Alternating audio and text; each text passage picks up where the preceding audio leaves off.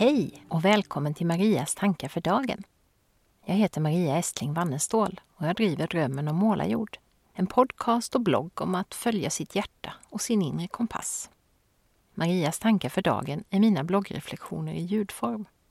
Fram till och med julafton är mina tankefrön en del av årets julkalender som jag hoppas ska inspirera till reflektion eller samtal.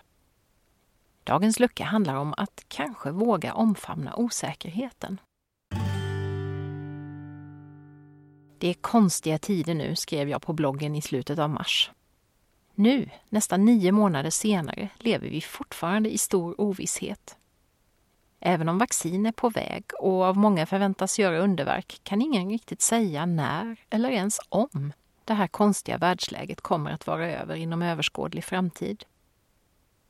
För att ta några konkreta exempel på ovisshet i mitt eget liv så vet jag just nu inte när vi får träffa svärmor eller min äldsta dotter med familj nästa gång.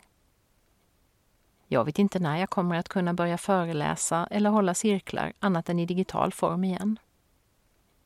Vi vet inte om vi kommer iväg på vår uppskjutna tågluff, vår uppskjutna Sweden Rock-festival eller om biljetterna till Jakob Hellman-konserten i november kommer att kunna utnyttjas.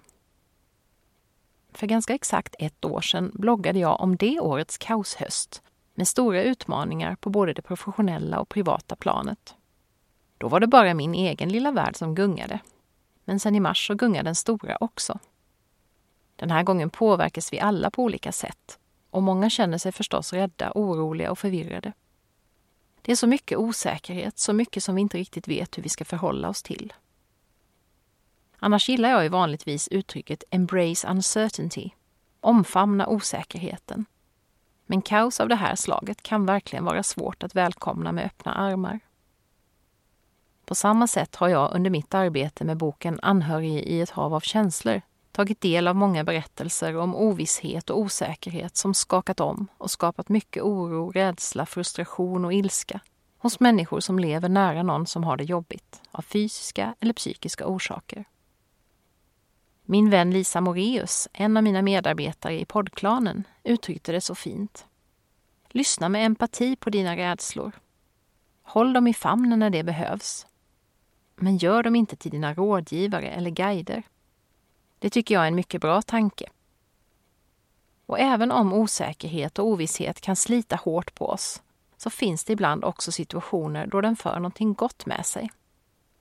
Chris Johnstone beskriver i boken Aktivt hopp, som jag har nämnt flera gånger tidigare här i podden, hur han som läkare i sitt arbete sett hur ovissheten emellanåt varit till nytta.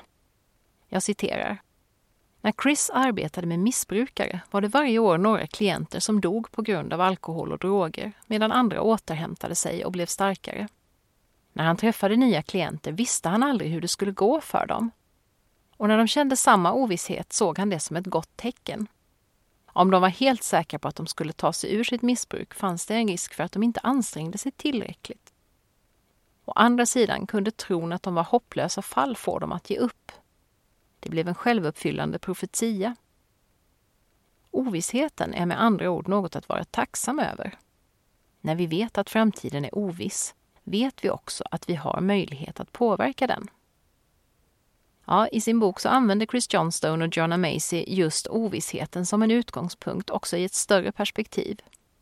För att hitta aktivt hopp att arbeta för en bättre värld. Att så länge vi inte vet att någonting är kört så finns det ingen anledning att inte försöka. Björn Natthiko Lindeblads bok Jag kan ha fel tar också upp osäkerheten som någonting positivt. Med koppling till den där tilliten som jag pratade om i mitt förra tankefrö. Han skriver Det är en gåva att kunna vila i tillit när livet blir osäkert.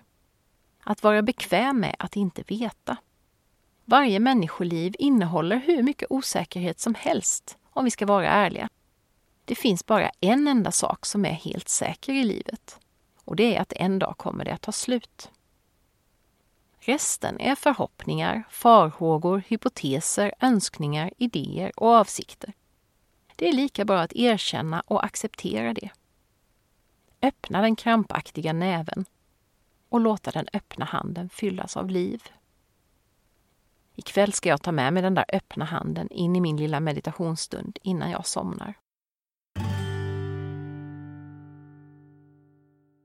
Dagens reflektionsfråga. Hur har du det med ovisshet i det lilla och stora perspektivet?